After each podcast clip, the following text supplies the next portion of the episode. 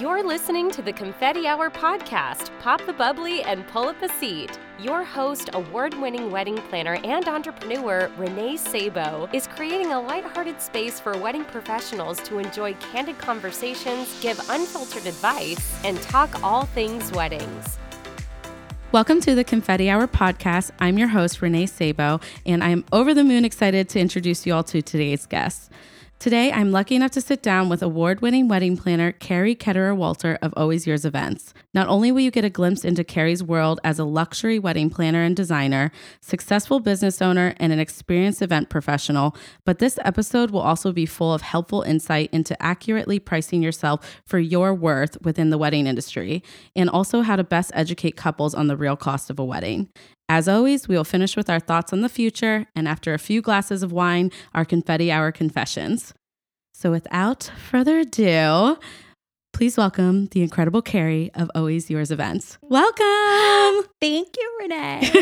I'm, so excited to have you here. You know, I'm really overjoyed to have you here, but let's kind of like kick us off. Why don't you share a little bit about yourself, your background, and your career in a nutshell? Yeah. So, I am the owner, wedding planner, designer, and basically the beating heart behind Always Yours Events, which is an award winning wedding planning and design company based in Boston, Cape Cod, all throughout New England. We do weddings in the South, and we are actually going to be doing weddings in Italy. What? I know, I'm dropping a bomb on you. Can I be your assistant? No, right? We, yes, that's something that's in the works. I do Um, speak a little Italian. Uh, then I need you on my staff. yes. yeah, so that's something a little new. Um, but yeah, so Always Yours Events is a company that is basically my life's passion. Um, it's been open since 2013, but full time 2015 is really when I went and dove full into owning the business and This you know, wild roller coaster of Roller coaster entrepreneurship. such a beautiful mess. That's such a good way to put it.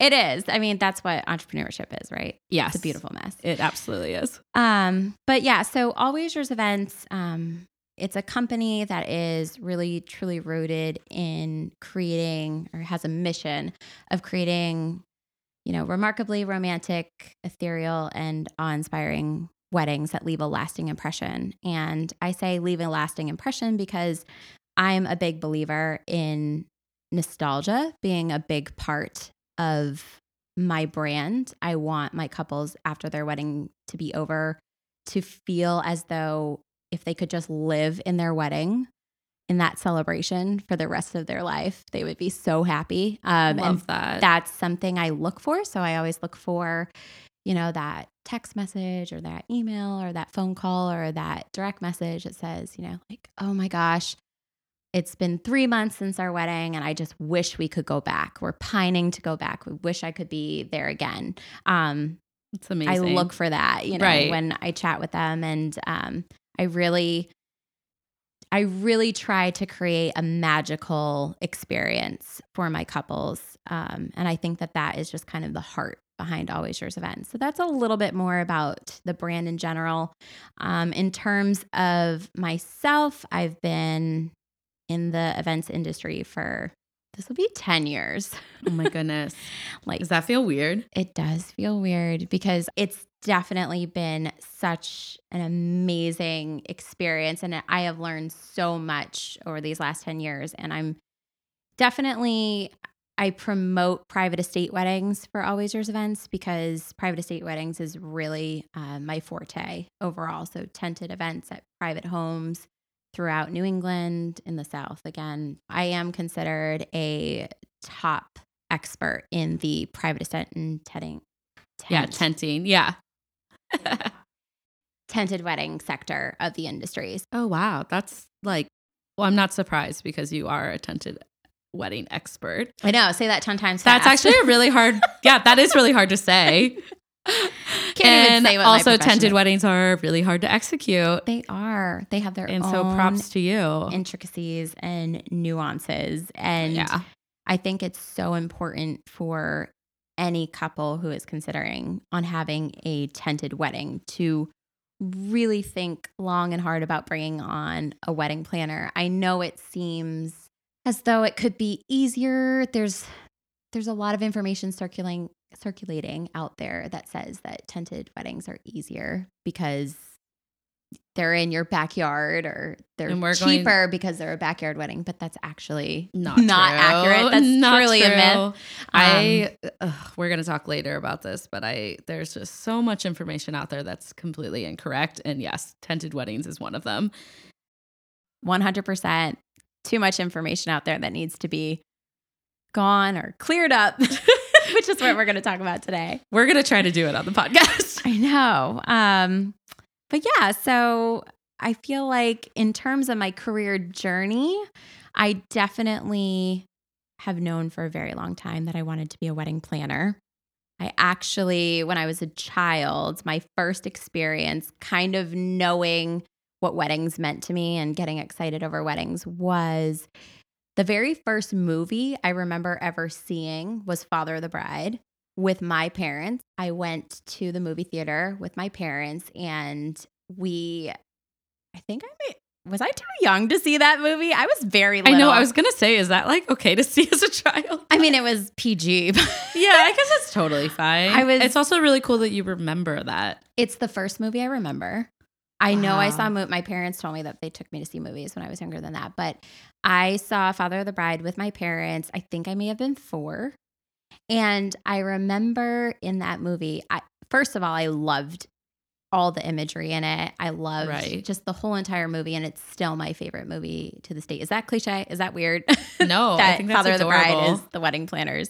I'm not as classy, and I like wedding crashers. Ooh, that's a good but that's a good one. That's a separate. That's like a totally That's a different separate- of my style. But actually, any wedding related movie when I was growing up, I also remember all the details. I was so Yeah. fascinated by You the wedding world. towards it. Right. And like it was a feel good movie too, because it's a wedding. So it's a It very feel- yeah, exciting, happy movie. exactly. So I remember sitting in the movie theater with my parents, but specifically my dad.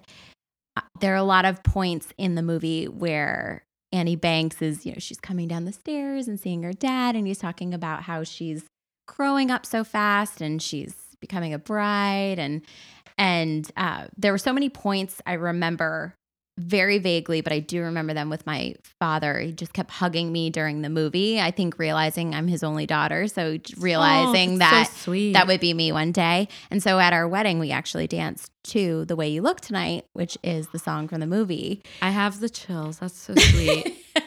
it's something that I I don't talk about it very often, but I'm like I really should because you it's should. really That's where so special. I just remember that very specifically. And so I always really had this love for weddings, primarily from my experiences. I was a flower girl when I was a Oh, little yeah. girl. Um, I was in a lot of weddings for my cousins, but we also were a hospitality family. So, That's I- right. yes. So I grew up on a hotel property in Falmouth on the Cape. Um, you actually grew up on the property. Mhm. That's really Mhm. incredible. My parents had a home on the property itself. So Shoreway Acres Inn was bought by my grandparents and established by my grandparents. My pa- grandparents were immigrants. So my grandfather was from Ireland. My grandmother is from the Philippines. So they came over after they got married and they bought this old sea captain's home and they together turned it into a B&B in the 60s That is so cool. it's really i look back today and i i took it for granted when i was a kid but now i think about it it really was cool Yeah. Um, pretty much like a very large compound of sea captain's homes that have been converted into hotel rooms That is Um, so cool. yeah and so they built it up and my of course my parents took over it in the 90s and my brother and I and my parents lived in a home on the property. And so we were always surrounded by hospitality. You know, it felt very normal. We were always mingling with the guests. All the guests knew who we were. It was it was a fun it was fun to really live there and to grow up. Yeah. You probably met some really neat people too. I really up. did from all over the world.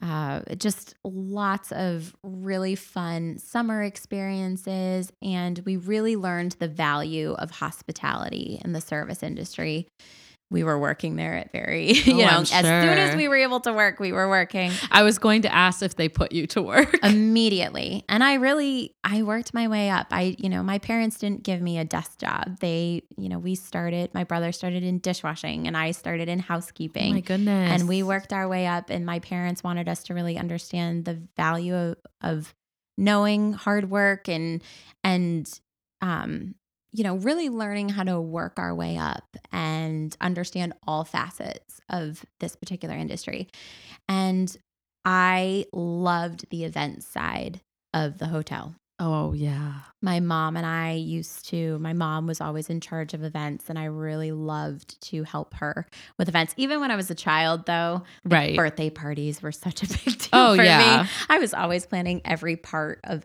every birthday party I ever had.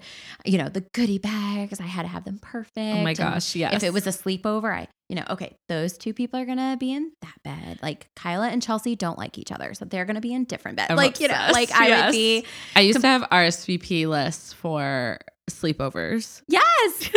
Right? I feel like all planners had that. They yeah, there was always little parties. hints, Yeah. right? Like that this was going to happen, but Yeah. that's adorable. So that's basically, you know, I had that as a child. And then as I got older and we got more into the, you know, hospitality side of things, and I was working more with my parents in events, it's something I really gravitated towards. And then I ended up going to Boston University for hospitality with an event concentration in event management and social media marketing. And there I worked for two um, very large companies. You might know one called Walt Disney World. yes, I am obsessed that you used to work there because I actually know some other people not in the event, not in any event sector, but with marketing, Mm-hmm. and they said it literally is the happiest place to work. I don't know if that's true. really is the happiest place to work. It It's true. It taught me so much when I was there. It taught me so much about magic and making magic, and that's why that is infused into. That makes a lot of sense now. Yes, there's a whole art form behind it, and it's so much about creating a place to foster imagination and happiness. And so I really translated that into my own business. Obviously, it's it's a little bit different, uh, but of course, you know, in the wedding sphere, creating magic for your couples. Oh, is, it's very similar. it's in very that sense. similar. Yeah. so I worked for Walt Disney, um, and then I went to work for a large luxury planner, celebrity planner in Boston, and I did that throughout my senior year of college. And then before I graduated from college, I actually went on to work for a very large luxury catering company that had an event planning sector. And I worked for them for about three years before I opened Always Yours Events. So lots of experience. Yeah. And a really good range of experience, I feel Yes. like. I'm actually incredibly grateful for that. I have to say that one of the things that I always tell anybody who's aspiring to be a wedding planner, I always say experience, experience, experience. And I Yeah. can't emphasize enough doing a job within the event industry that might not be event planning, but Agreed. it might be some other sector, whether it's catering or rentals, anything Anything. that lets you be incredibly hands on in this world, diving in headfirst. I think that that's, you know, just kind of the best way for you to get experience in this industry and to be able to progress. You have to know what you're working with before you jump in. Absolutely. And I know and we've talked about this offline so many times, but I remember my first job in event rentals, I was making like 13.50 an hour and I felt so just stressed by that.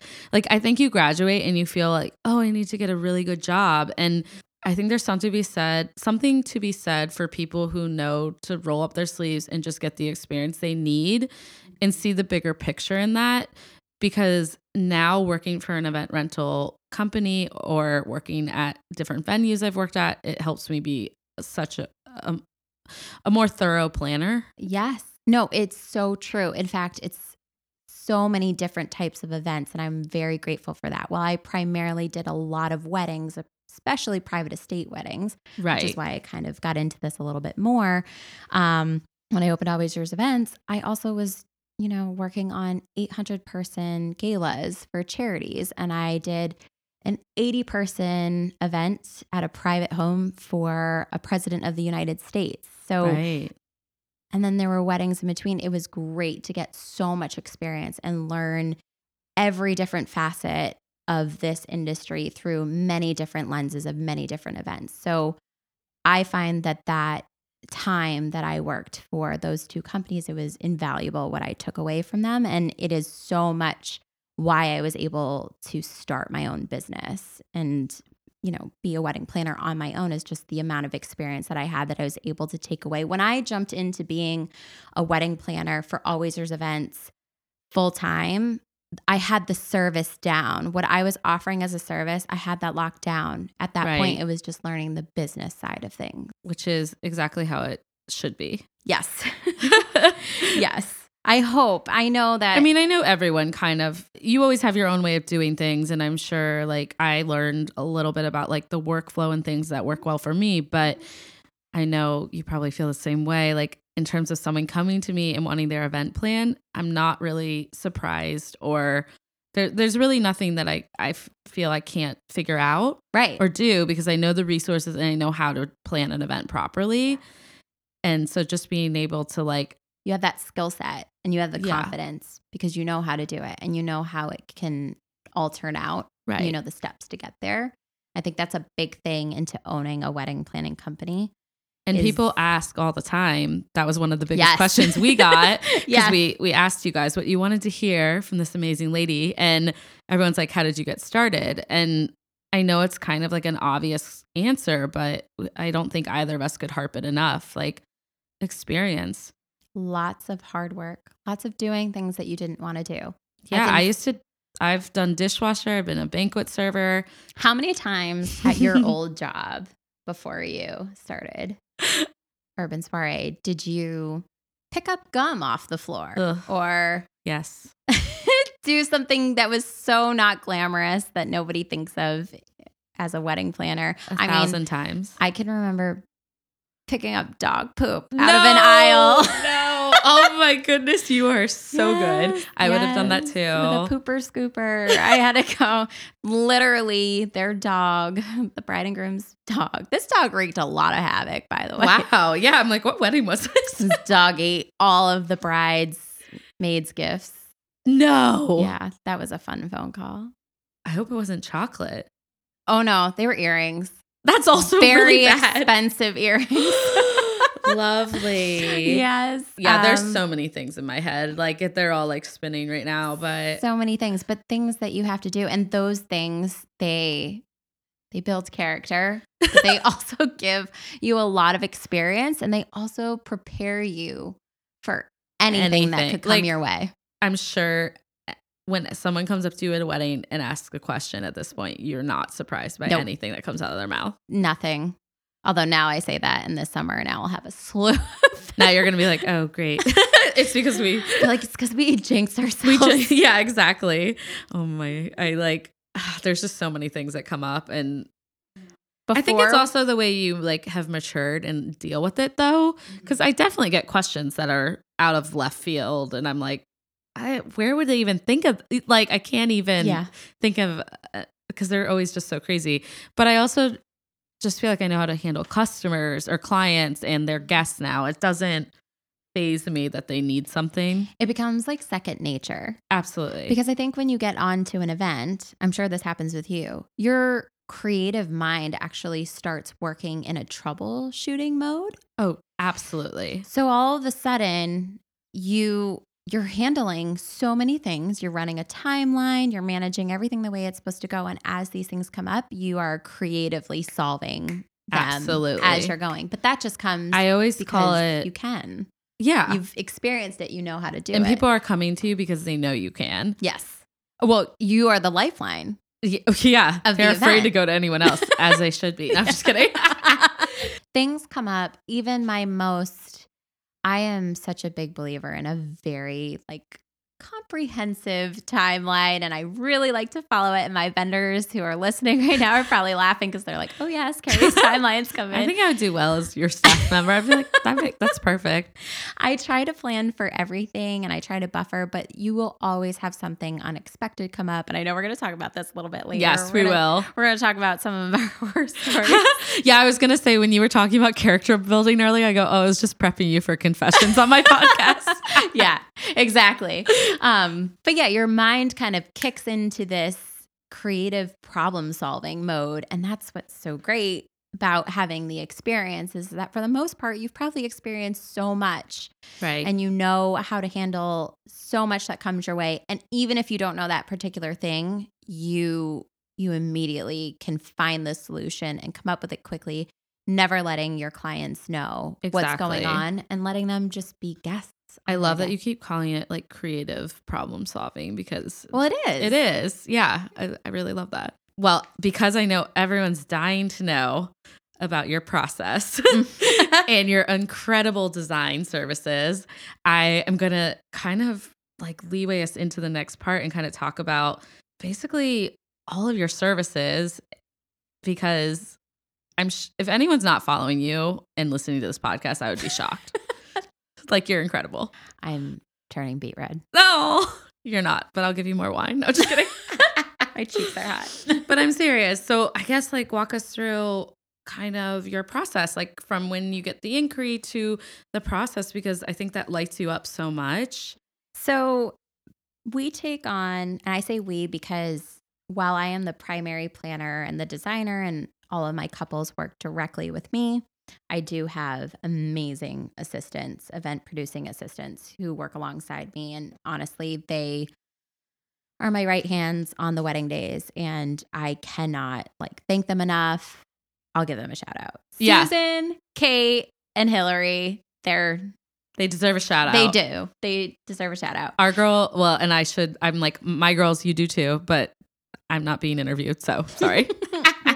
but no, like we would be nowhere without it's true. The help. It's true. And so I take on eight to nine weddings a year. And um, Always Yours Events primarily focuses in full service planning, some partial planning, uh, but a big, big part of my process is design. And a lot of my couples will come to me because they love the design part of the planning process and they really want to experience that with Always Yours events. So when they inquire, first of all, I'm always excited whenever yeah. I like get on the phone with any of my couples. So from the very, you know, beginning, I do a complimentary consultation with them and we just kind of get on the phone and we talk about how they met, how they got engaged. We kind of go through how they met and how they got engaged. And then we talk about their wedding vision overall. And I really love to, at that time, have a little bit of a brainstorming session with them, even before we talk about anything in regards to pricing or packages.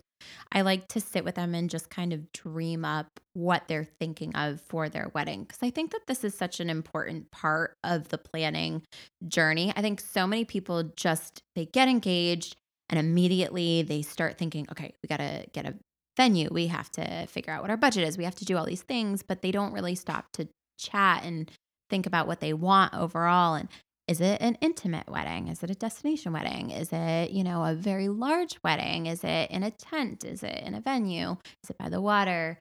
Where is it? You know, we kind of chat through that. And then after that, I chat with them through the packages, we find the best fit for them. And then we move forward with the planning process. And usually for the first few months, we're in creating our dream vendor team. And I take that incredibly seriously. I think that it is incredibly important to have a vendor team who treats your wedding day as if it were their own. And so I have a preferred vendor list filled with vendors that are vetted, tried and true. Um, and I just, I try to stick to them because I have found that over the years of working with them that they will treat all of my clients with such care and such love, and they will do anything for their wedding day. And that contributes to my overall mission, Yeah. which is creating this awe inspiring event and this magical day for them. So, for those first few months, I spend a lot of time working with my couples, finding them the perfect vendors and booking them immediately. I love to get vendors booked right away. I do too. Even I always say that's like design. like phase one. Yes. Just honestly, it's a great way to also get budget, you know, Yeah. really handled. Um, and it's another really great way to kind of, even before you step into the design of it, determining whose aesthetics you really love. Absolutely. That really guides your design because that as well. helps. Yeah, exactly. That helps when you're putting their design together. So we start out, you know, in the first few months working on creating that dream vendor team. And then I will then move into our design phase, which my design phase is very long. I'm sure it's. I mean, mine's long. I'm assuming yours is longer than mine. Oh, and I, but I love it. I like look up to you a lot because you, but you really, you like you said, you like to focus on all the little details that are going to create a personal and magical day for them. And it is those personal details that do that. it's a lot of things that come together to make it. It's not just it's not just that the tablescapes are pretty. There yeah, are so many things that come together to make a wedding feel magical. And the only way for it to feel magical is if everyone attending feels enveloped by the day.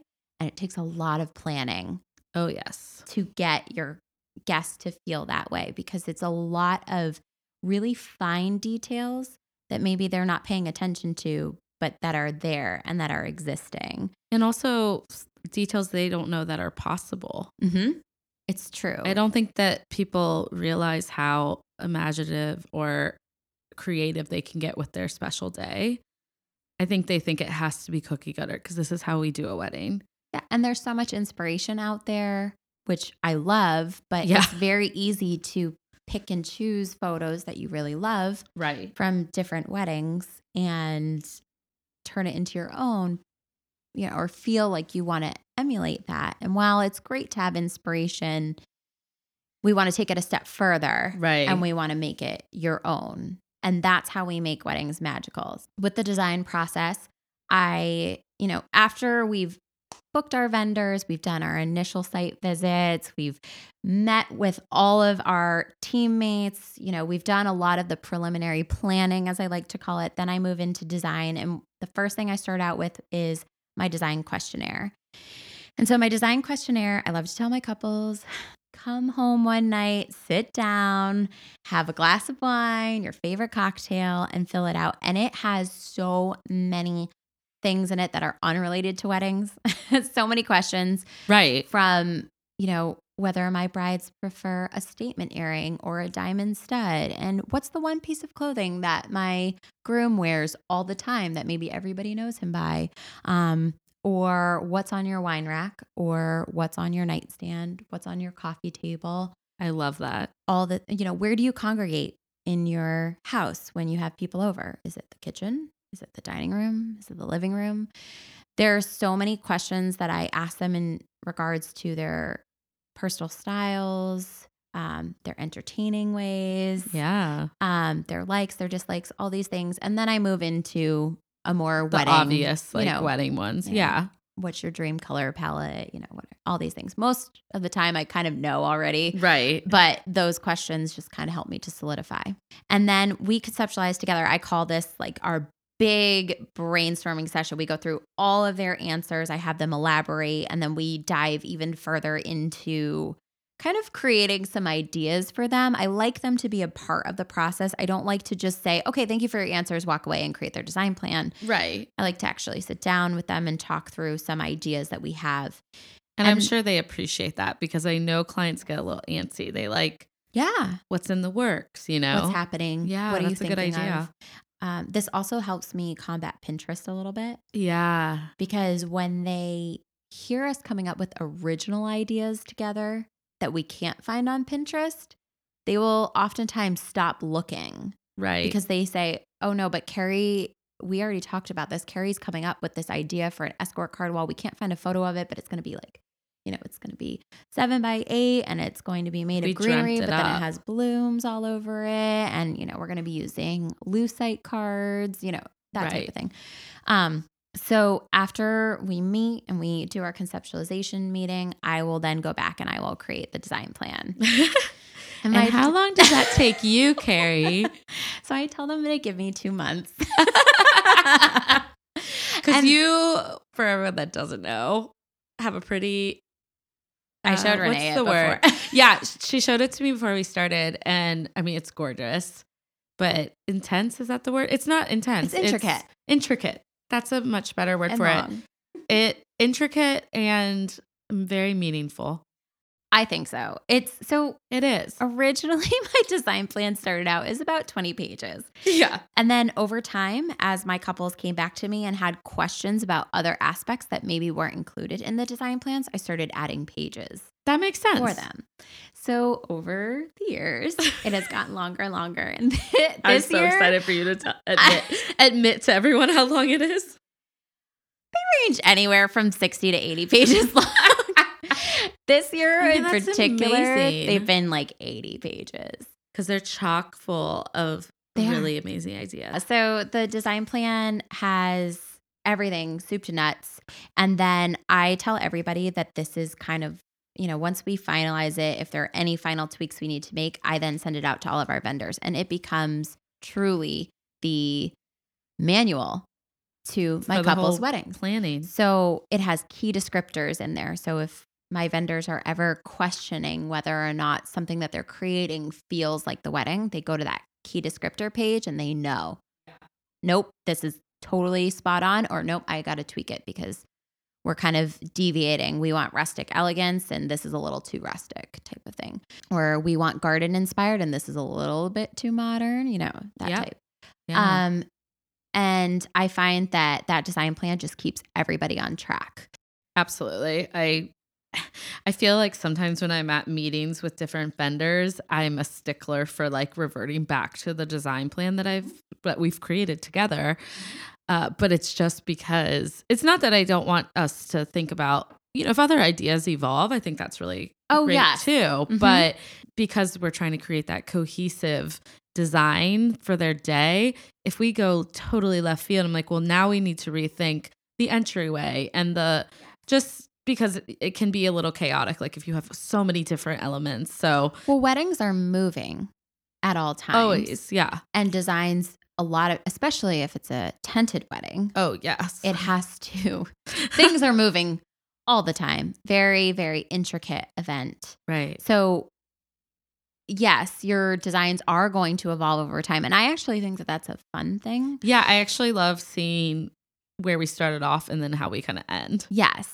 So obviously, your design plan keeps you cohesive and keeps everything in the same vein and keeps everything super intentional. Um, but at the end of the day, if things evolve, that's great. And I really do love collaboration with my couples. Oh yeah. So if, you know, we're moving along throughout the execution of the design, and one of my couples comes to me and says, you know what? I know we didn't talk about this, but I had this idea and I wanted to share it with you. I love that because then we really make the design their own. I get that a lot with stationery. Oh. As we're working through the stationery, we will sometimes create ideas with our stationer that's a little bit more unique and unexpected twist. I do. I love following um, your invitation suites that you feature on Instagram because they're so cute, like with little personal elements. Like something special, like a Yeah. grommet or like you what's your recent one? I love it said what like a plot twist. yes. That's so, cute. our bride and groom getting married at Delray Beach in Florida. They are an incredible couple and they have these catchphrases. Everyone knows them by their catchphrases. That's so cute. And so, because of that, I wanted to make sure that that translated into their stationery. Oh yeah. So, the save the date, which we did with Julie from Fet Collection, it's a blind embossed uh, palm print, but it's a unique palm print. Like it's a custom palm print. Um, and there's a hand tag to hold everything together. And it says plot twist, which is one of the bride's favorite little phrases. you know, when she'll It's adorable. she'll sit there and she'll say, you know what? Plot twist. I know we were thinking of going here, but we're gonna go here. It's like you had like how could you not use that in some element of the wedding?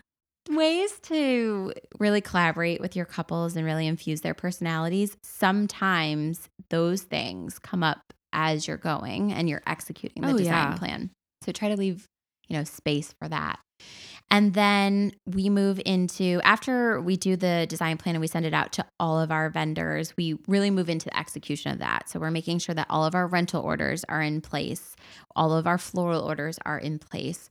You know, transportation schedule is created. Our tasting, we'll set up our tasting, and in conjunction, we will also set up a mock up. So I do mock ups for all of my couples. You do. who- nice. Yes. And the reason why is because I learned over the years that if I didn't do a mock up, I was really leaving a lot to my bride's imagination and not allowing the couple to have a little taste of their wedding before the day. And I think that that's a lot to ask of a couple Yeah, to trust that these ideas that you have that are on paper. on paper are going. And I know sometimes florists are nervous to do them because like mm. certain flowers aren't in season, but ultimately it's nice if we can at least give them a little taste. a taste.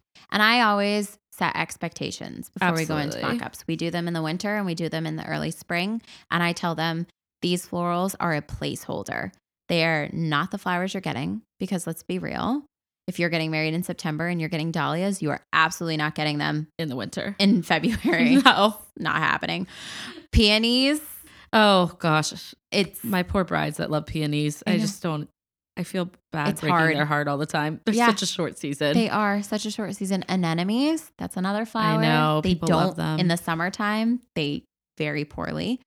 Uh, so I set expectations, but I like to do a mock up and I either do it at the venue with the tasting or I take them to the rental showroom and we do them there.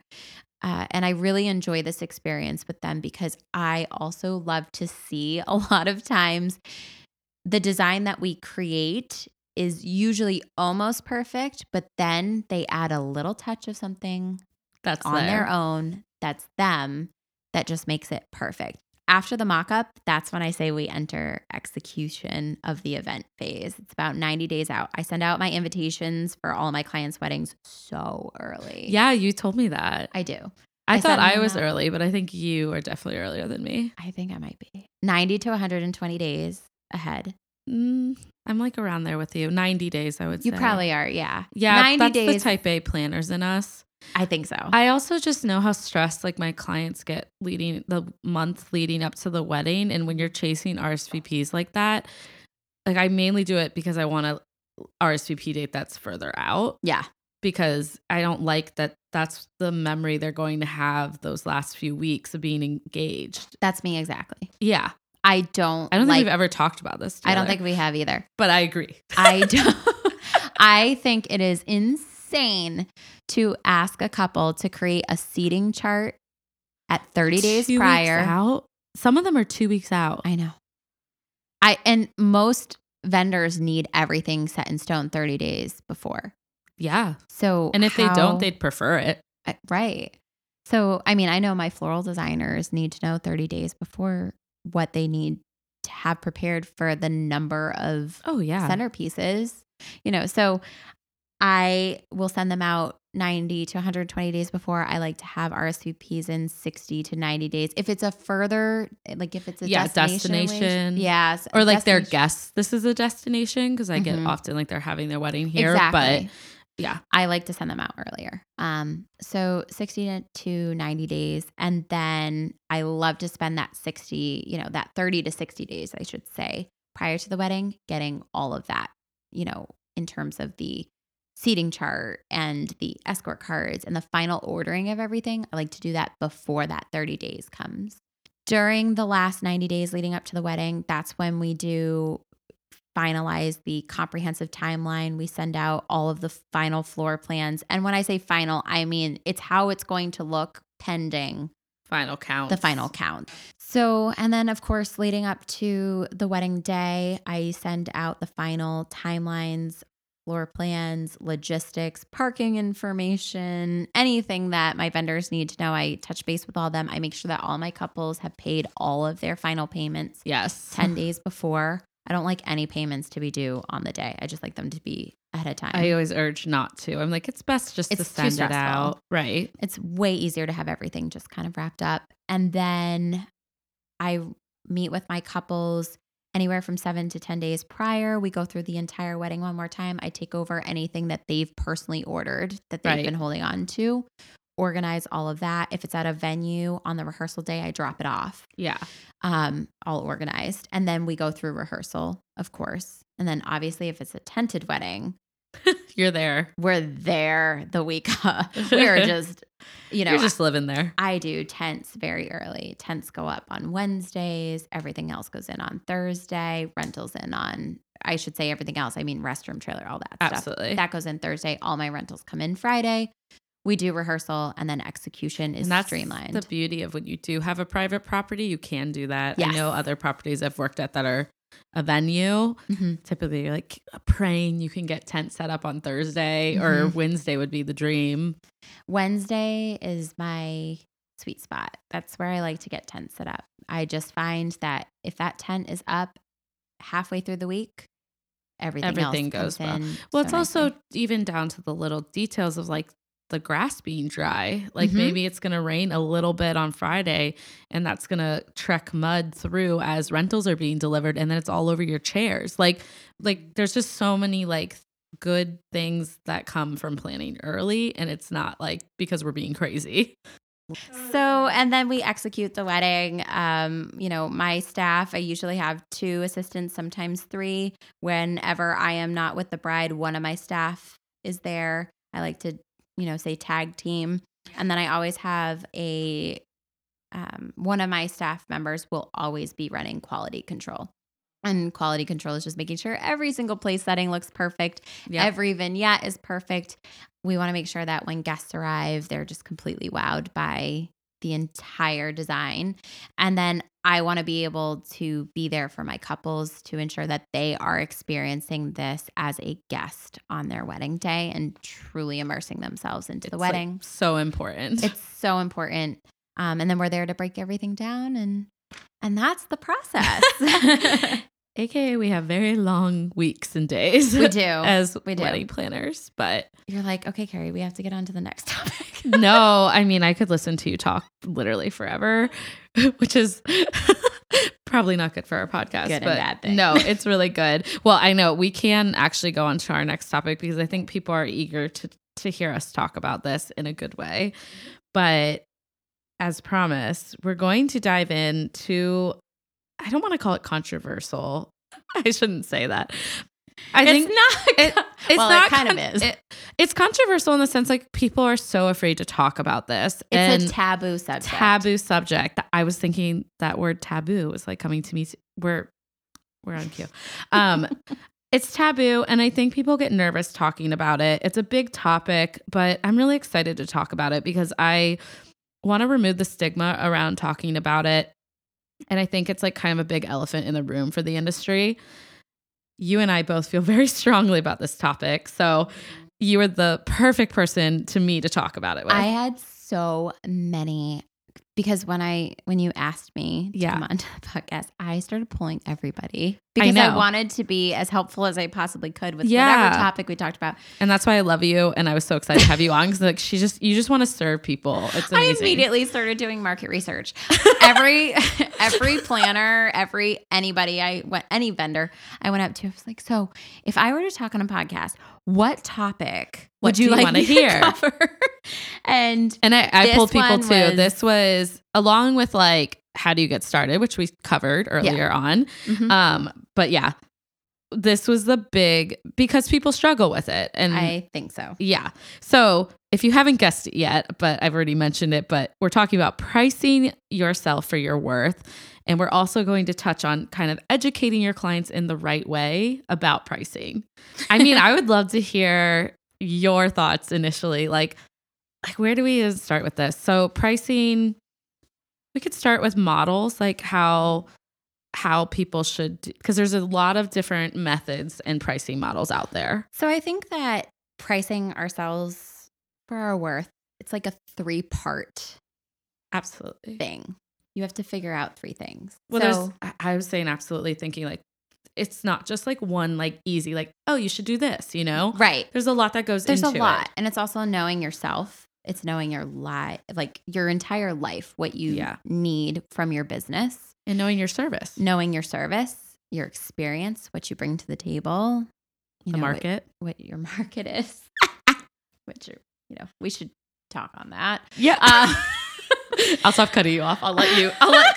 I'm like Yeah. I feel like you were you were definitely going in such a good direction too. So So I think it's three parts. I think the first thing would be probably before we talk model, I think maybe knowing what market you want to be in. yeah, market's really important, and I don't know that people are as familiar I don't think so either. like what markets are, so we can kind of go through that too. Yeah. So the wedding industry, in terms of when we're talking about our clients, there are different kind of sectors that our clients are in, different markets. So we've got, you know, our more, would you say economical? That's a very nice term Right. for it. Yeah, Yeah. economical. It's a little bit I think of it like airplane seats, and I don't like economy class lately, which is difficult. it's like our budget friendly, yes. Our budget friendly market. And then we probably have, what would you say the next one is? Maybe our premium? Yeah, I was calling it like is there one in between? Our like standard, maybe, Yeah, is in the middle. standard. It's got like, a middle range. Yeah, Our- I keep saying mid range, but that's probably not the best term for it. Maybe we would say our standard is kind of where our couples who are looking for the average, yeah, average wedding is the average wedding is going to be in our standard in terms of pricing. right. It's the average number is kind of our standard. Yeah. And then we have our premium, Premium, yes, right which above that. where our couples are spending, you know, I would say, and you can tell me if Yeah, actually, we haven't talked about this, so- different. I know. I would say that when I'm looking at premium, you know, it's anywhere from like the eighty thousand to Like 150. 150. Yeah, I would agree. And I would say that the standard, like the average wedding here, I mean, and we're talking in terms of the market here in New England. What would you say, like 60? Yeah, I would say fifty-five is low. 55 would be tough. It's sixty to about the eighty. Yeah. it, and there is a market for that. It is there are very specific um, Yeah. couples that want to be working in that. in that market. In That's that a popular 80. market. Mhm. Um, and I think also in terms of guest count, like we're not talking about 250 person weddings. Like an average wedding size tends to fall 125, 150. And then we have our ultra luxury, Yes. and our ultra luxury, you know, is that two two hundred thousand plus? I would say, um, maybe even a little more than that, because sometimes the premium can be the premium is a pretty large Yeah. There's a, kind of market because it it depends that market depends very much on guest count and very Yes. you know where you're hosting and whatnot um and whether it's like a venue wedding or a tented wedding that's where a lot of our tented weddings fall absolutely. um so you know the lines are a little blurred but i would say when it comes to the ultra luxury it might be a little bit more like the 250,000 plus Yeah. And I think that is a large range in the ultra luxury. And I know there's some planners that have different like terms for it too. But Mhm. in my head, I think this is like i call it ultra luxury I call it ultra luxury too. And I think that it's really important to kind of figure out where your ideal client is going to lie. And the reason why I say that is because obviously, when you are creating the prices for your business, wherever your ideal client is, you want to make it feasible Right. for them to hire you. You, you know, if you want to work with a couple who is spending, I'm just going to take a random number. Let's just say they're spending $75,000 on their wedding. Right. If you're charging $30,000, $40,000, you're half their budget. Right. You're not a good fit for that client. It's it's not going to be easy for your couples to book you because your fee is not conducive to them creating that amazing wedding that they're dreaming of. Absolutely. So it's really important to know what market you want to be in. and also the vendors that you refer. Right. That gets really tough. Like if you are in the ultra luxury market, What but you venues hire you want to be working in too. right. You know, you really need to be thinking about that. You really want to know. So it really goes back to who your ideal client is. And I could talk about that forever, but I won't. we don't need to go there. We'll do a We'll do it another time separate episode for that. down the road. But figuring out who your ideal client is, creating kind of a kind of a profile for them and knowing where they lie, what market they lie in. I think obviously they go hand in hand, Mm-hmm. but the answer, I mean, the answer, to, and I will say this for planners starting out, you know, booking just anything to book without thinking about even just these few elements Mhm. is really going to lead you down a path that isn't conducive for your business. Yes, I will 100% agree. One of the best piece of pieces of advice that I I'm getting so tongue tied. One of the best pieces of advice I had actually gotten from a good friend of mine who's also a wedding planner. She said to me when I was starting out cuz she knew that I came from other planning companies. right. She said, "When you go full time, do me a favor. She goes, do not price yourself too low out of the starting gate. Yeah. And she said, You are only doing yourself a disservice by pricing yourself so low that getting yourself to where you are worth is going to take you years.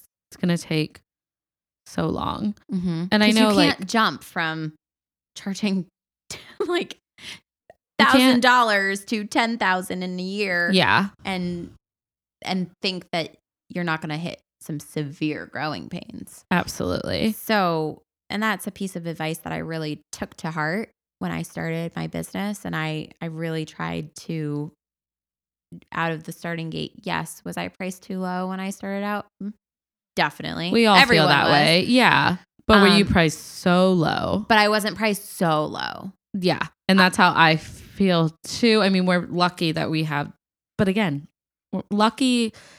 I hate saying that. Yes, I'm lucky to have the experience that I got, Mhm. but at the same time, we worked for that experience. So, Yes.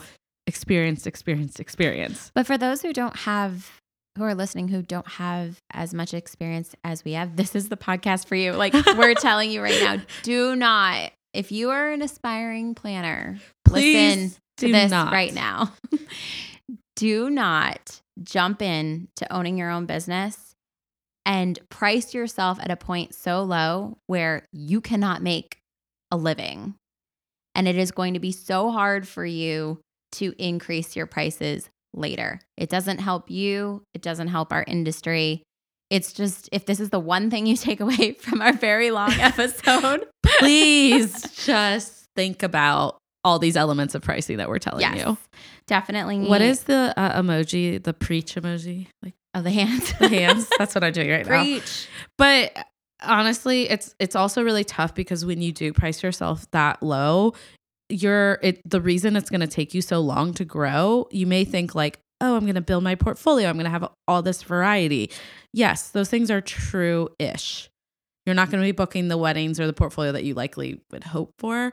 Um, but also your vendor referrals from years on out are going to be at that price point because it's hard enough to grow when you're in an appropriate market but think about if you're three tiers down for what you should be charging. It's really tough. And I mean, I've gone through growing pains and I'm not like shy to talk about that, but I never priced myself so low that it was like horrendous. Okay.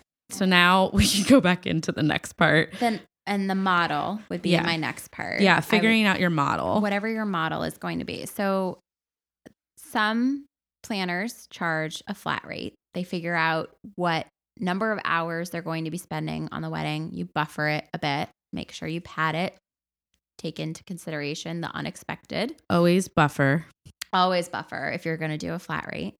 Um, then there is the percentage model, which is a percentage of what the total of the wedding is going to be. And then there's also variations of that as well. And then there's the hybrid, which is kind of mixing a flat rate with some percentage. Usually that percentage is like a production fee that's on top of design. Yeah. A lot of design vendors. Right. Sometimes it's on all of vendors, but a lot of times it's on design. Um, and so finding which model works for you is going to be a little bit of a trial and error game. Right. And I don't think anyone expects people to know You what don't. to do right off the bat, but I think on your educating yourself with this, it depends on Mhm. your market, it depends where you are. Yep. It depends on your region. A lot of times it depends on your comfort level too. Yeah, Some absolutely. people are much more confident sharing a flat rate.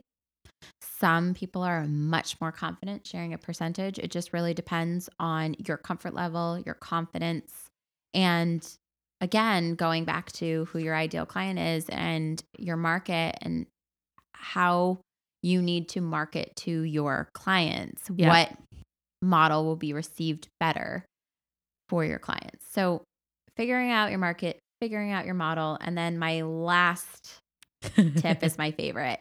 And I call it the reverse engineering yes. part. I, I like to tell anybody who ever asks me how to price themselves, I always say, let's reverse engineer this. Let's look at what it costs for you to live. And I don't mean like what it costs for you to get by. I mean what it costs for you to be a wedding planner, own your business, and have a life that you love. It's And- sad how often this is forgotten. Yes, I think it's important to really sit down and the best way for you to come up with your price is to kind of step backwards and start first with your livelihood and what it costs for you to live and what you need to live and what you need to be happy, you know, Yeah, doing this job. Because that means different things for different people it does. and situations, but it's really important because, and I know I've told you this, Keri, because I'm type A, uh, but I keep like a post it by my computer and it says, This is your goal, Renee. This is your high goal, which is what we hope Yeah. to go for. but this is like my realistic goal, like what I need to be full time in this business, pay my staff, have the life that I need and want. Mhm. I mean, there's no shame in figuring that out. And for me, that means I can't book more than five partial service and I can't book more than five full, or like that I need to book five full and need to book five partial to get to that point for my business. and you've figured it out. You've figured Yeah. out, you've done the homework, you've crunched the numbers, Yeah. you've taken the time. And I think that that is It's extremely it's- important. It's so important. It's the most important step out of all of this that we're talking about right now for pricing yourself based on your worth. Know what your livelihood is going to require. So figure out what your expenses are. Figure out, you know, how much your mortgage is and how much you need to be contributing towards your savings and your retirement, health insurance, Groceries, groceries, car, parking downtown for meetings, meetings, right? and be Um, generous like with that budget, just like you would quoting a proposal to your client. Have a little, you need your fund for emergencies. Take all of this into consideration. Create a spreadsheet and figure out what that bottom line number is, what that total number is. Then divide it by the number of weddings that you want to be doing hmm per year. And that final number that you're going to get is basically what you need to be charging each of your clients. Yeah. And that number should give you guys so much confidence and freedom because that number then is so, it means so much. It means your life, it's your life. it means the food on your table. It means you having a car. It means you having a roof over your head. That number is so powerful. And that number is what you need to stick to. That's what you need to be charging. That way, when a client comes along and wants to ask for a discount, you can wholeheartedly, without quivering, without feeling like I better book like this. the heart palpitations, Yeah. no, this is what I cost. You know what you're worth. You know what it costs for you to live. I think that this is the most powerful thing that you can do to figure out how much you should be charging for your work. I think, yeah, it's like almost like you know the consequences of if you don't Exactly. It really puts in something behind that number. It's not an arbitrary number. right. That's a number that you know will help you build your life and have a life. and I know it's tough. Like it's easy to say, like, yes, I want to make a hundred thousand dollars a year. Like I get it. It's it's tough to get there. I mean, the other factor with that is really like honing in on the time it takes you to do the service that you're offering yes. because It that is. goes in that's another, you know, key part of it. But when you start to really look at all these things and not shy away from it, you're going to find freedom in your selling. You're going to feel more confident and you're going to find that like you know your worth so much better. And I know this might sound terrible, but you're in the business to make money. Wedding planning can be a hobby or it can be a business. And if you Yeah. are going to be a wedding planner and you are going to own a business, you need to make money and it needs to be a focus for you. So do not undercut yourself in the very beginning. Do not undercut yourself in the middle. Do not undercut yourself Don't ever undercut when you are Yeah. much further along 10 years 15 years 20 years down the road i And- think it's so important I think it- it's hard. It's easy to get wrapped up in the excitement of starting a business or being in a business because you get to do these things. And then at the end of the year, you look at your funds and you're like, oh, wow, like I didn't compensate for this. And, and then it is a hobby, not a business. So it's just like so important to take all these factors into account when you're structuring yourself and look at it every year. Mhm. Like I go through it with my accountant. I had to really look at like, okay, I really need to p- figure out the hours it takes me into a wedding. As soon as I calculated 250 to 300 hours, I never had a problem. I've never lowered my rate for anyone. It's also about like, okay, so maybe I did it for six months or three months or whatever. It's about like self, I'm really big on like self realization. And I think that like you really have to be watching yourself mm-hmm. because it's so easy to get caught up with like, I want to do a, this beautiful tented wedding at this like gorgeous estate. But you know what? It's not fair if they're paying the band 12 grand and you've been working with them for 12 months. oh i know Like I, it's just not okay. You're gonna you're i could go you're down gonna that road and i don't want to you're like I. I you're know gonna run yourself into the ground and it's gonna feel like you aren't worthy and you are like we're here to tell you you are. you are your brand you are your service you cannot burn out because you didn't price yourself at your Yeah, worth your clients need you. you have to be in your best shape like your best mind your best Yeah. like shape in order to serve your couples well and part of that is not burning yourself out and part of that is charging your worth so it all goes back Absolutely. see it all goes back I'll go friends. best. Well, and so how do we educate clients? Because obviously they come to us and I get sometimes it's tough. I don't know. It depends on the market you're in. I think like as I'm going into that like premium market or I'm in that premium market, I don't find people challenge my worth as much. But in the more average level, people definitely challenge your worth. And I think it's because they're sticker shock. They're they're like, is this really how much weddings cost? I think that this is such a great question.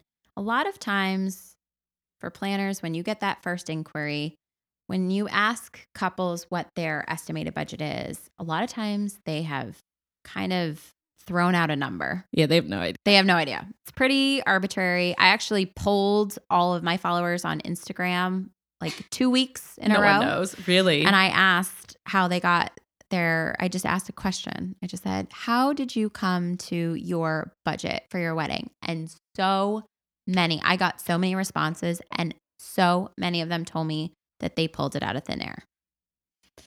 And I was, I'm not even surprised. I'm, I'm, not, just sad. I wasn't surprised, but I was like, Oh my goodness, we need to be doing a better job of educating. And I think that as planners, we are very oftentimes the very first vendor that is being connected with from a couple, maybe the venue or whatnot. But yeah, it's typically either us or a venue. typically, us or the venue, and we are there primarily not only to give them our packages, but also to educate a bit. It's very easy to get an inquiry in, see their budget, and be like, oh my God, no. Yeah. Like, I can't make that work. But I think it's very important to take the extra time to respond to that inquiry and educate. There is a statistic out there that shows that couples will typically spend anywhere from 1.5 to 2 times more than what they think they're going to spend on their wedding. Absolutely. And that being said, a lot of times that couple coming to you with that budget that you don't think you can make work, a lot of times they just don't know what they should be spending, what their budget should be. Right. And so you are that kind of, it's a great opportunity for you Yeah. to be that first person to say, Hi, I'm so glad you are considering my services for your wedding.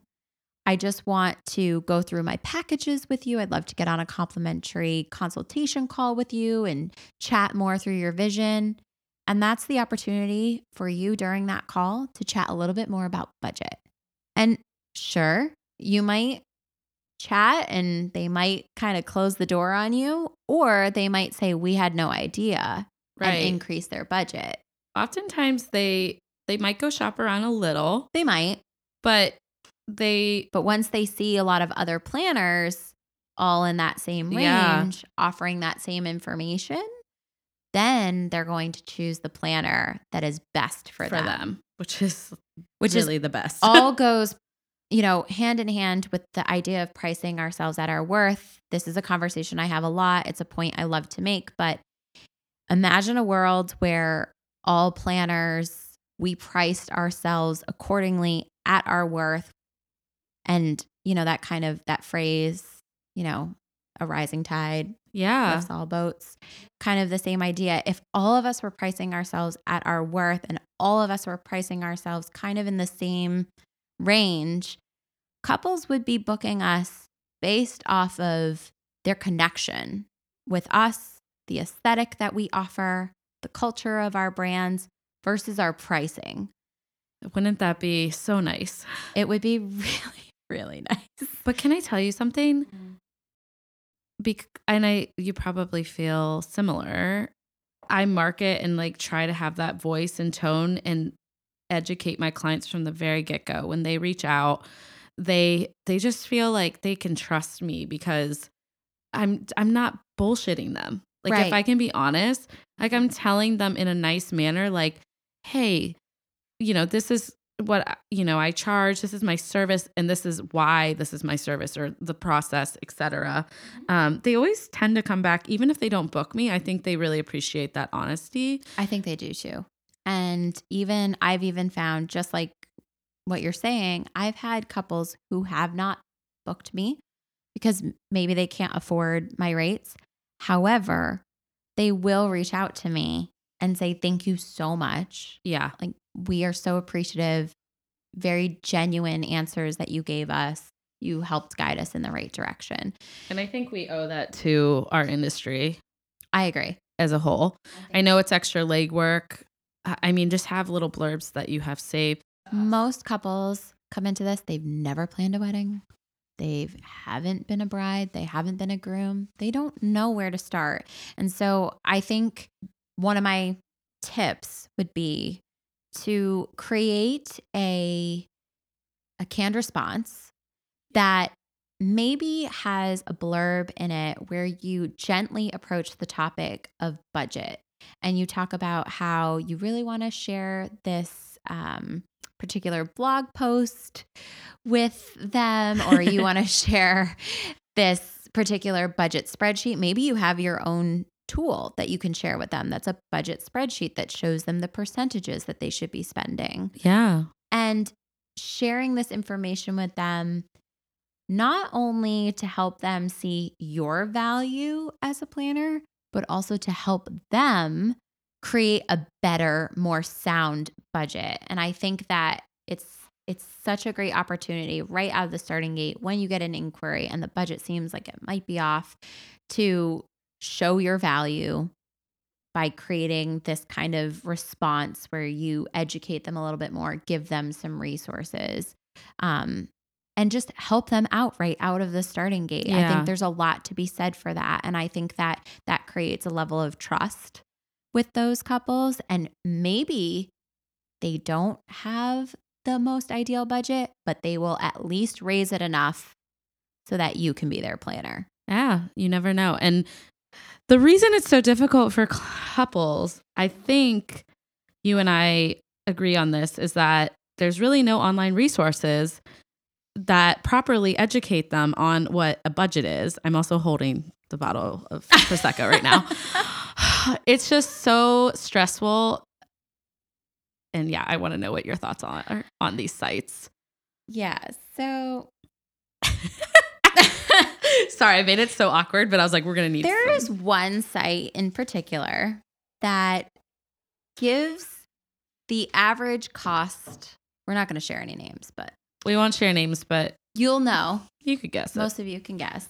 There is a site that shares what the average, and I'm using air quotes right Yeah. now, the average cost of a wedding is, and what the average, in quotations, cost of each vendor category is. And it is insanity. It is absolutely not valid. It Everyone's gonna know this. Actually, I think there's two sites that do that. there are two sites. I'm thinking of one in particular. You have one in though. particular, and I agree that one's pretty loud. And the reason why I say that is because there are many I've seen in Newsweek, I've seen in the New York Times, I've seen in Business Insider. People are heated up over it too in the industry, which I'm happy to see Yes. people pushing back. You and I have talked about this, Keri. Like, literally, I don't know where it's ever appropriate to pull in research, market research on such a broad, like, nation Mm, when Mhm. cities, you wouldn't do that with housing. no. Mm-mm. You wouldn't do that anywhere. So, But with weddings, for some reason, everyone thinks the average wedding is like 25,000 I know. or 30. I don't even know anymore. I think it, they're saying this year it's 33. So maybe we've moved. oh, wow. It's so offensive. I forgot the actual number. It's so here's the problem. These sites do such a disservice because immediately couples go to these sites, look for the average cost. And in addition to the numbers that they're coming up with, they're using these as valid benchmarking numbers Right. on what a wedding should cost and what vendors should cost. I mean, And why shouldn't they? Because these sites are marketed as uh, uh, like trustworthy re- They- resources right. for them. We follow them on Instagram. We follow them on Facebook. We look to them for inspiration. We buy their magazines. Like it's almost to me more stressful than Pinterest. it is. and I I in particular have been vocal about this because I see it firsthand how it creates so much anxiety and frustration within a couple. It's a very joyous occasion. They get engaged, they're excited to plan their wedding, they find this number, they start trying to create a budget based around it, and then every single time they connect with a vendor, it's like stonewall after stonewall after stonewall. They get to the point where they are so frustrated by the planning experience right out of the starting gate that they just Of course, they're nickel and diming they're vendors. they're very quick to start they immediately move into price shopping mode Ugh. and it's that is truly the root of where we're seeing our pricing issues I completely agree. I want to point out that there, whenever you're looking at online resource that is saying the average cost of a wedding, that is polling the nation. Yeah. It's polling weddings of all sizes. It's also only taking into account those who have answered a survey.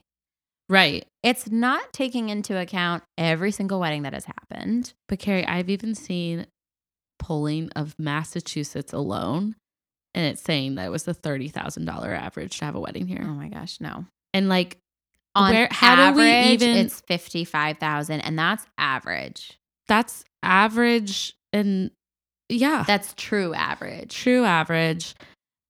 And I just feel so bad for these couples. And then I'll, I also feel really bad for our industry because it's already hard enough to figure out our worth and how to f- confidently sell ourselves. Mhm. And then now we're combating questions like, well, the average wedding's 30,000.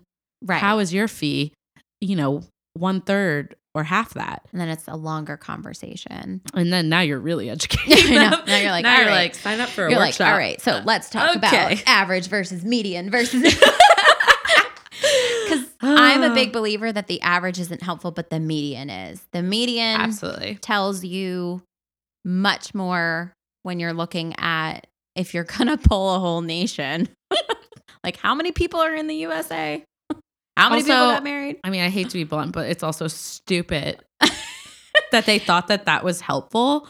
Pulling the entire country and then saying, here's the average cost of a wedding in the United States. And then having a couple who are in more urban areas or in on Cape Cod, in the Hamptons, or somewhere that's logistically Even in Rhode Island, anywhere. anywhere.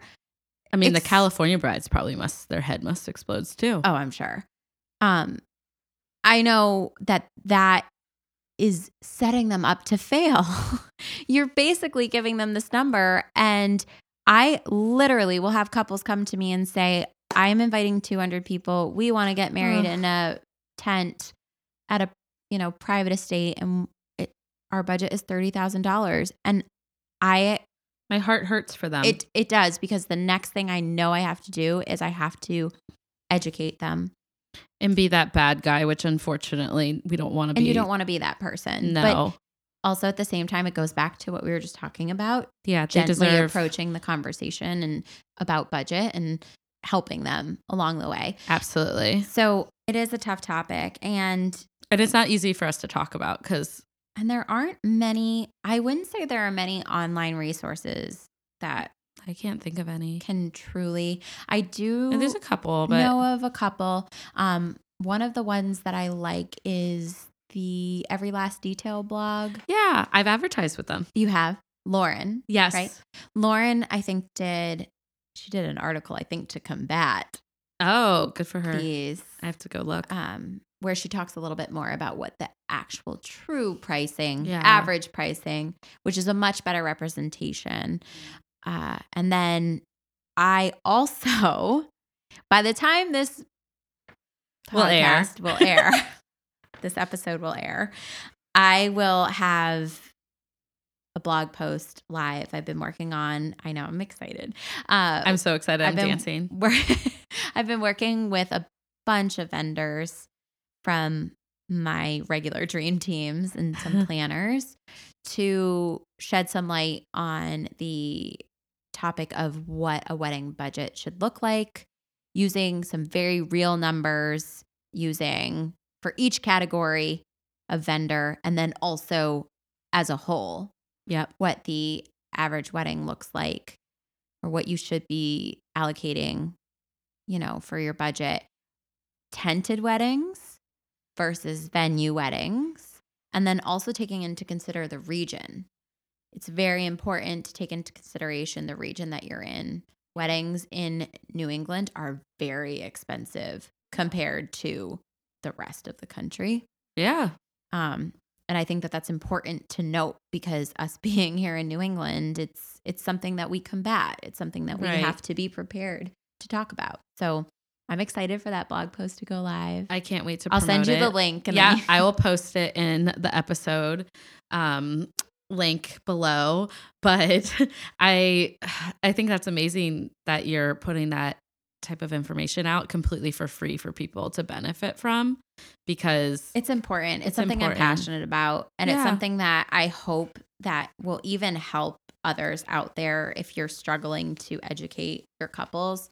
You just link them to that blog post. hopefully it helps them out. I hope so. That's my goal. Yeah. I pulled again. I love guys. I love market research. yeah, I you really do. I really love pulling my. I think you're my only guest that was like, "Are we gonna do a market research on what they want to I know. hear?" And I was like, "You mean like a Instagram poll? Like I'll do that." But I'm like, well, how do you know what we she was so about? serious about it. I was like, "I adore you." but I like pull my followers all the time, and Oh, I, yeah. I ask them, uh, I Like, what do they wanna hear? Do you want Do you want me to write a blog post about what weddings actually cost? And unanimously, everyone said yes, and I got so many direct messages from brides being like, "I wish I knew this." Going into it, I wish someone had directed me towards something like this because I used said service that we talked about earlier and it did not help me at all. It just made it worse. It made it worse. It made me frustrated. So I'm definitely so excited for your out there. blog post. I can't wait to promote it. And I mean, that's a big reason why I did the podcast too, because I want to talk about these tough conversations and make it a more positive industry. So, okay, we got to lighten this up. Yeah, we got to, let's like have some fun. yes. Are you ready to go into? well, actually, there is one more topic. I don't know if we have a long time for Sure. it, but What do you want to know? I I always ask everyone on the podcast of recently I have been I want to know what you wish other vendors knew. It can be anything. It could be little. But like what is like one just totally raw and brutally honest thing that you wish you could tell a fellow wedding professional Like a fellow wedding planner or Yeah, a fellow or anyone that you work with? Like like I can go first if it helps. Yeah. Okay, sorry. I Put you on the spot here after our very intense topic. Yes. Um, so, oh, yeah. Okay. Mine would have to be, and it's tough because I do it for every episode. So I'm like, hold on one second. But I really, I know people are not going to like this. Say it. I, It's you know, important. I can't not be myself. I say that a lot. I just like, I, I'm not, I don't know. I'm just very Renee. I don't think that DMs or text messages are a professional form of communication. And I probably get, I'm sure you get way more than me. mm-hmm. I get so many DMs asking me to connect with me, asking me if I will introduce them to people, asking if I want to get coffee, asking me questions about client work. mm, Literally, they're asking me about like invoices yes. or and texting. For me, it's really tough as a planner. We're spread, I don't want to say thin, Mm-hmm. but we have a lot of different outlets. Like one day I could be in meetings all day and I can't look at my phone. Mm-hmm. The other, I really need it in a professional manner because I need to revert back to that. And same goes for my couples. I, I mean, I love them dearly, but I always say that to them before we start working together. Like texting quick little questions, totally fine. Please don't send me your professional processional order in a text message. Right. I agree with you on that. I remember in the very beginning, do I it. used to get those, and I was like, "Whoa!" I was like screenshotting everything and emailing it to myself. Like it's so stressful. But if you're dealing with eight other couples, it's like I just mm-hmm. want to stay organized and I want to make sure I'm on top of all your details. And same for vendors. Like I can't do that. If if you're catching me, I mean, I probably get 20 DMs a week.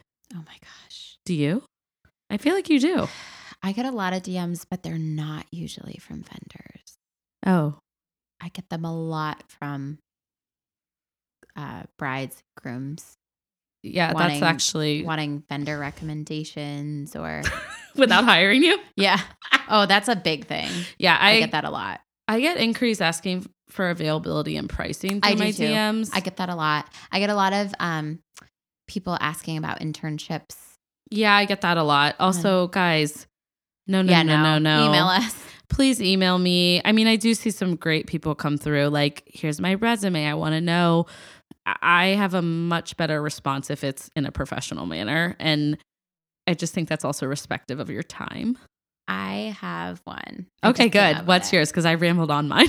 So, I when I was working for one of the companies before I opened Always Yours Events, um, one of my bosses, who I consider to be like a mentor to me at the time, he once said to me that assumptions are the termites of events, and I think that that is. I think of that every day.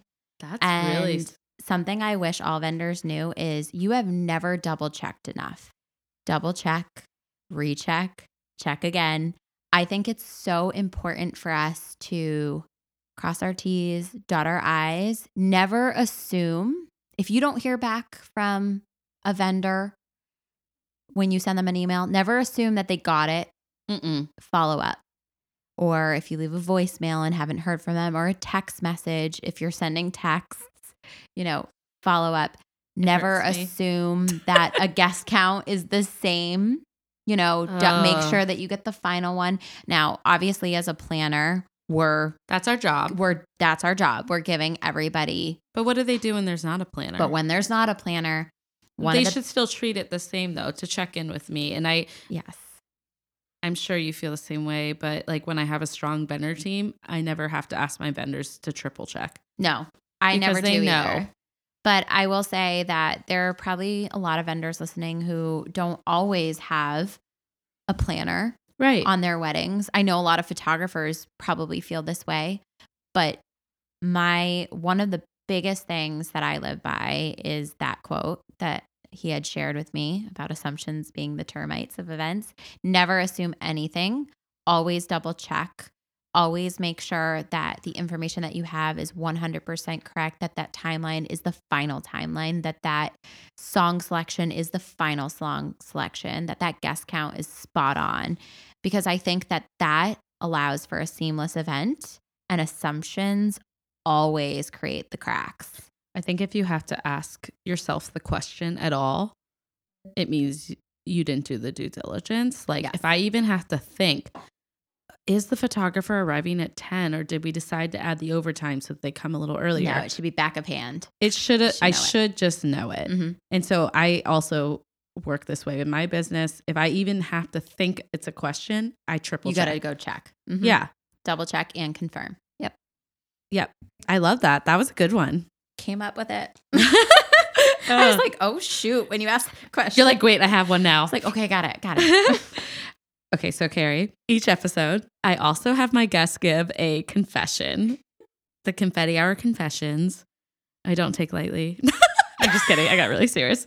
Um, but I think we're gonna have some fun with it today because you came up with a brilliant idea, and we were thinking maybe we do conf- confetti hour confessions and a professional horror horror story. yes. And for our personal confession, Yep. I want you to do this one too.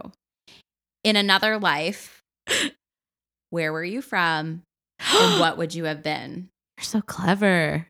Oh, I like that. if you weren't a wedding planner and you weren't from here? Okay, you go first.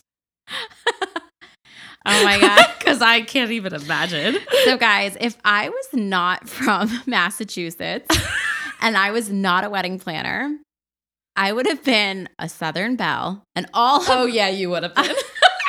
I would have been a Southern Belle. I don't care anywhere from the South. Ideally, Charleston. Yeah, I was know I love Charleston. You're a little obsessed with Charleston. And guys, Rightfully so. uh, right? So just- cute. It's so beautiful there. You're taking me. Oh yeah, we're gonna go on a retreat, a working retreat. we're barely gonna work. We're just gonna go adventure around drink- Charleston and like Exactly. do one hour of emails. Um, I would have been a Southern Belle, and I would have been in forensics Wait. Oh my goodness. or a detective because I am obsessed with true crime. Are like, you? Oh my goodness. I would not. I did not see this coming. My husband like half stares at me in horror because I put forensic files on while I work out. He's afraid of you, I bet. He is. He's like, I would never mess with you. No. no, I just mean I am so intrigued by that. I don't know what it is, but I actually like love the forensics of like I love it when they're like, we found a a boot print in the ground. and we found so like what brand shoe that was and where like what facility it was made in and how many people bought that shoe and I, I like literally would not pay attention to any of that in a show. I just find that stuff so fascinating. Uh, the some of the gory stuff that goes with it, I just I Yeah, like. that's why I it's wouldn't too be able to much do it. sometimes. But I have to say that I'd be a Southern Belle in forensics. I'd be a, A Southern, Southern Belle Belle. detective for running I a forensics. honestly think that might be my best confession that I've ever had on the podcast, and I've had everyone's some good ones. like shutting this off right now. They're like, "That girl's crazy." no, honestly, like I can't even stop laughing right now. Oh my god. I love it. But what's yours? Oh gosh, oh my I know I'm putting you on the spot. No, I actually, I think I'm. I very much love Europe. Mhm. I mean, who doesn't? But I definitely think I would be in Italy, and like probably pursuing like if I really could. Actually, this is funny because it leads into my personal confession. I think I would be a, a chef and live in Italy, That's awesome. which is so crazy. the food but is what I- amazing there. Yeah, I would have a Everything's lot of people to learn from. I also just like would love to live in Europe. I would like move in a heartbeat.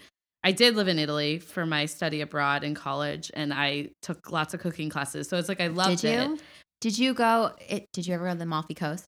I I did with my best friend. We like because she was in Florence and I was in Rome, mm-hmm. and we actually have tattoos of where we stayed together. Well, like where we studied abroad. That is so cool. Did you go to Ravello to the cooking school? I didn't go to there, but we went somewhere else. I actually would have to look back at the name. I don't, but it was incredible. Courses that they have there. That's something that Sean and I wanted to do on our honeymoon, and we didn't get to do it. Your like, honeymoon we'll go looked back. incredible. Thank you. Oh it was my the best goodness. time. We want to go back in two years. We're gonna try and make it like every three years. That's a good idea. I want to go. I want to take Chris because before we, I know people take like baby moons, but I don't want to be pregnant while I go to Italy. So I want to like go before I even like go down that road. So that will be Take my little like sabbatical before we even. Yeah, exactly.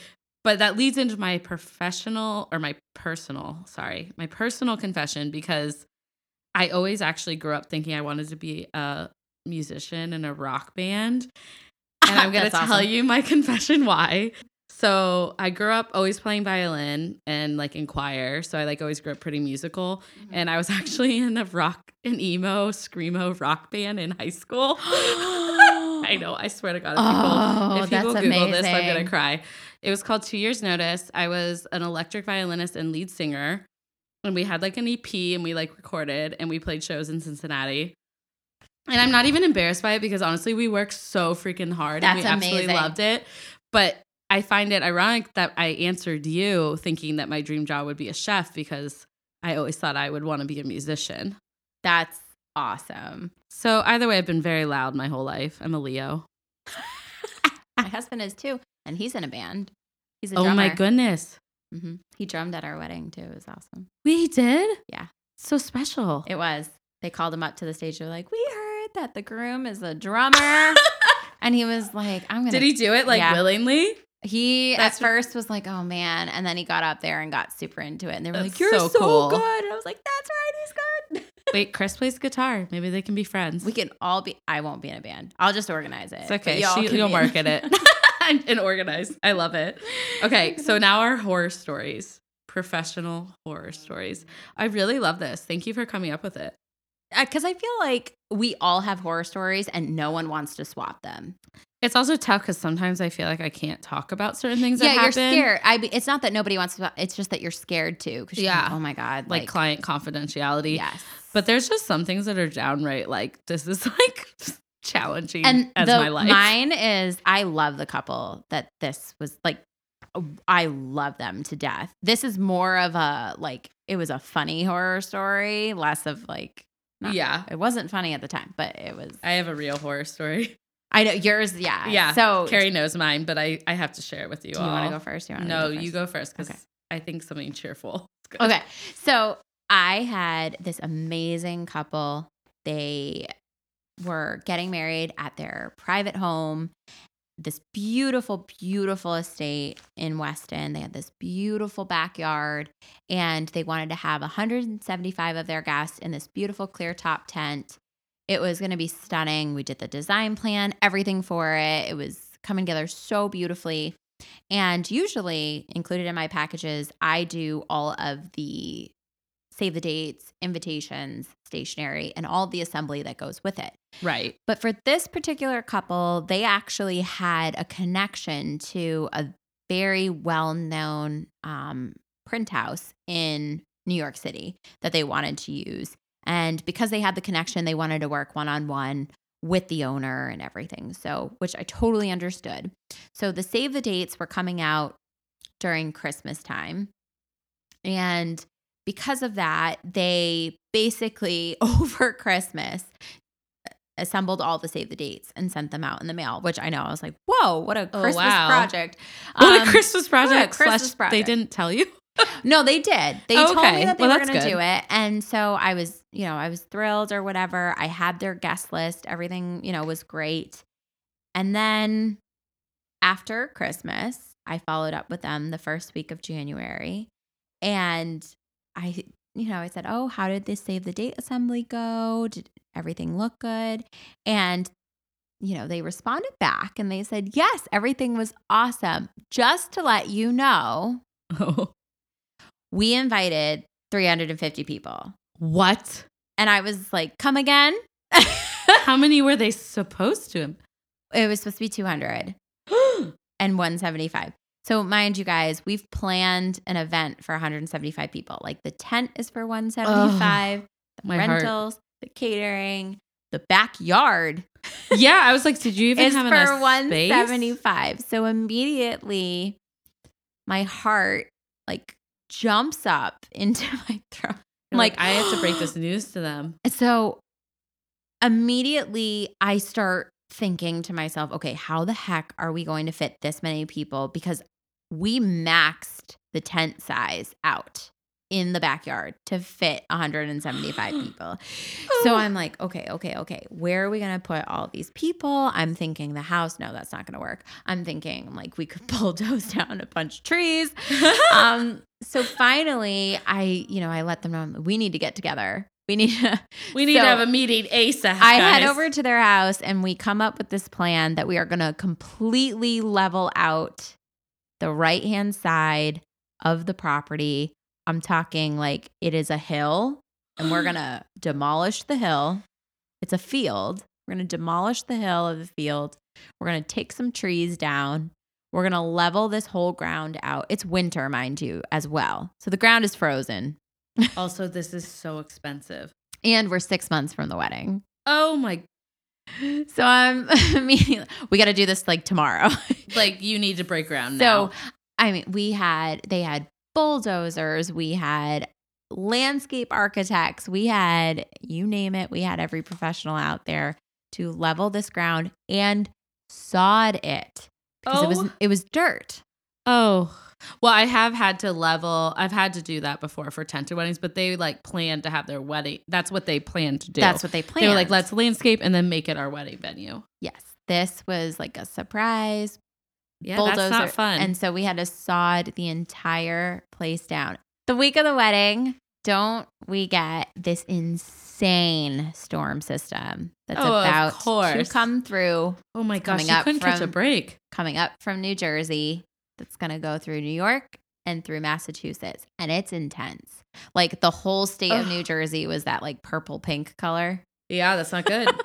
and on the radar, I was like, "Oh, this is lord." testing you as a planner, huh? So, yeah, oh yeah. So, long story short, doesn't the tent go up and the owner of the tent company comes up to me and goes, "I just want to let you know that if it lightnings out, no one can be at this tent because it's a metal frame tent."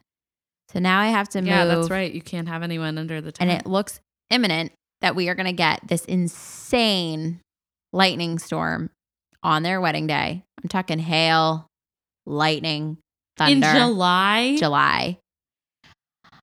Like these are things you can't even plan for. we immediately call Gentle Giant thinking we're going to move, we're going to have to move everything out of their house to fit Everyone inside. everyone inside. Worst case scenario, lightning, storm like this of this size happens, hail, all the things. The end of the world is coming on this day. it probably felt that way. It's like literally. And so I'm Did they actually move all their stuff out of the house? We did not. We had so we had plan A was going forward with it. Plan B was moving everything with Gentle Giant. Plan C was going down the street to another venue as a backup. Oh, So we had all oh, plans in place. Fortunately, the storm went out to sea the night of the wedding, uh, the rehearsal night went out to sea. Wow. And we dodged a bullet. It did rain, but not Hey, enough. They'll take it at No- that point. You're in a clear top tent raining. It's actually kind of magical. yeah, it's kind of beautiful. It was. It was actually Yeah. pretty beautiful. In fact, so many people said it was so amazing. lucky. Yeah. So that That's was a horror my- story. It was a horror story that lasted like six months in terms of Ugh. like land and weather.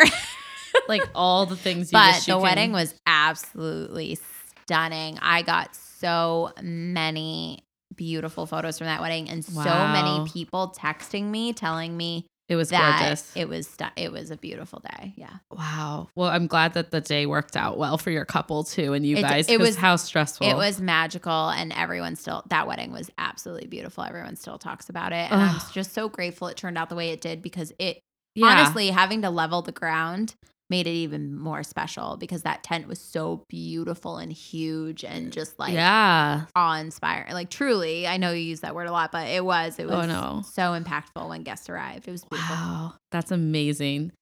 That is, it's like a positive horror story. It ended really well. Renee, what's yours? I I'd know say yours. mine ended okay. I had a winter wedding this obviously past winter.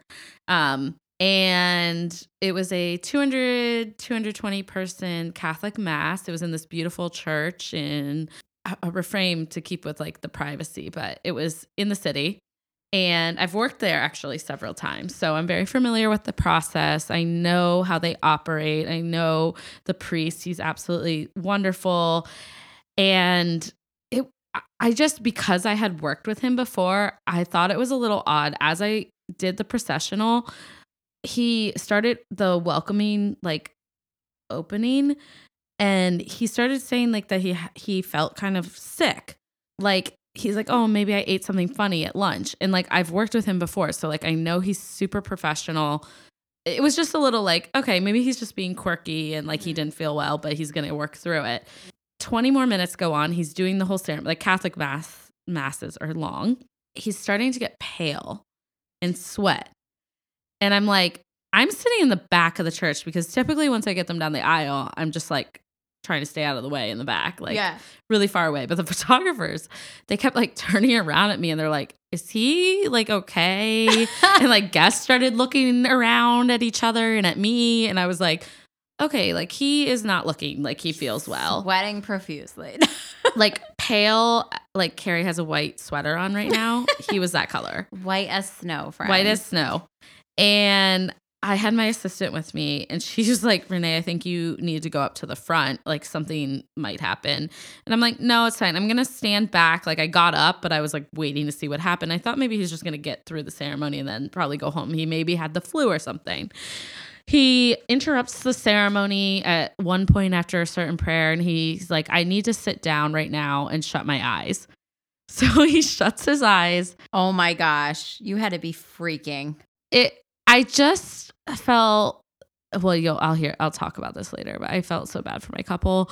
I, I felt bad for him obviously but he shut his eyes for a little while and it was very apparent that he was not going to feel better. Like he did not feel well. Um so he actually fainted in the ceremony. I'm not laughing. I, I can laugh now because he's perfectly healthy everyone so we can tell this story. But what a story. What a horror story on a day of a wedding I mean, when you're sitting in such a formal Catholic mass, it was just the most awkward and like heart wrenching thing. Yeah. and you're just like, uh. I- I mean, talk about testing me as an event professional. I was like, and I mean, like, we called the paramedics right away. The ambulance came. He was okay. Um, we still, I mean, first privacy, I won't say like anything that happened, but he ended up pulling it together. They like helped him. He got up and he was able to sit in like a wheelchair and do the rest of the he ceremony. did the rest of the mass. Yeah, he did, which is really impressive. But I will say that it probably took at least 30 minutes for him to get to that point. Bride and groom exit to their trolley, and she just looks at me. She's like, Have you ever seen anything like that happen? I go, Honestly, no. that's that's a first. You're like, you know what? I'm just going to be completely honest with you and say no. I looked at she goes, We need I go, that's a first. And she goes, We're getting wine after the wedding. And but hey, like, they're "Yep, married. it's a date. They signed the marriage license. He's okay. Good. I actually saw him walking around the church the other day because I was there for a Oh, meeting good. and like he seems good. But holy crap, was Your that- horror story definitely takes the cake. I don't know. Yours is pretty. You had to landscape a whole house. Yeah, that a whole field. but you know what? Everybody has horror stories, and I think that's the thing to take away. It's like Oh, you can't predict anything. Like as much as You we plan can't- and plan and plan. like weather. You can't predict that. You can't Health. predict health. Somebody passing out. I'm glad we could end on this lighter note because I feel like we had quite the. This might be the longest podcast I or episode I've You'll recorded. have to edit. Uh, But I don't even think I can because all of it was so great. Like you said, we combined a couple different topics into one, Yes. and I hope we helped some of you. yes. I hope you. I hope so. I hope it's been helpful. check out Keri's blog. Yes. Alwaysyoursevents.com slash blog. Oh no, wait! I was gonna ask you to share your handles. Oh, okay. So Yeah, where can they find you? So you can find me on Instagram. That's primarily where I am at Always Yours Events. Um, Facebook, which I never use. Don't ask me Twitter. I don't even know what my Twitter handle is anymore because I don't use it. I don't think I even have a Twitter. yeah, I mean, I have a I personal. do, but I I never use it. But yeah, Facebook is at Always Yours Events. Um, Pinterest, I have a lot of boards with really great inspiration you do. on there that all comes from sources that you can actually like I make sure that all of my pins have sources so you can see where they come from. And um and then obviously my website which is alwaysyoursevents.com and then the blog is obviously attached to it but it's slash blog. and go to her website and sign up for her mailing list so that you get Oh yes. and It'll come to mine you. too It'll- and do the same. yeah. You could just go right to my website and that pop up will come right up and ask you to join the mailing list. But you definitely should because I do do monthly newsletters and I am trying to incorporate a little bit more like for vendors yeah. um, and for those who are looking for a little bit more outside of just like the wedding sphere because I think a lot of people really like to just connect yeah. in a lifestyle way as well. So. I love it. Ugh. Perfect. Everyone go follow Keri. She, I don't need to say it again, but she's absolutely incredible.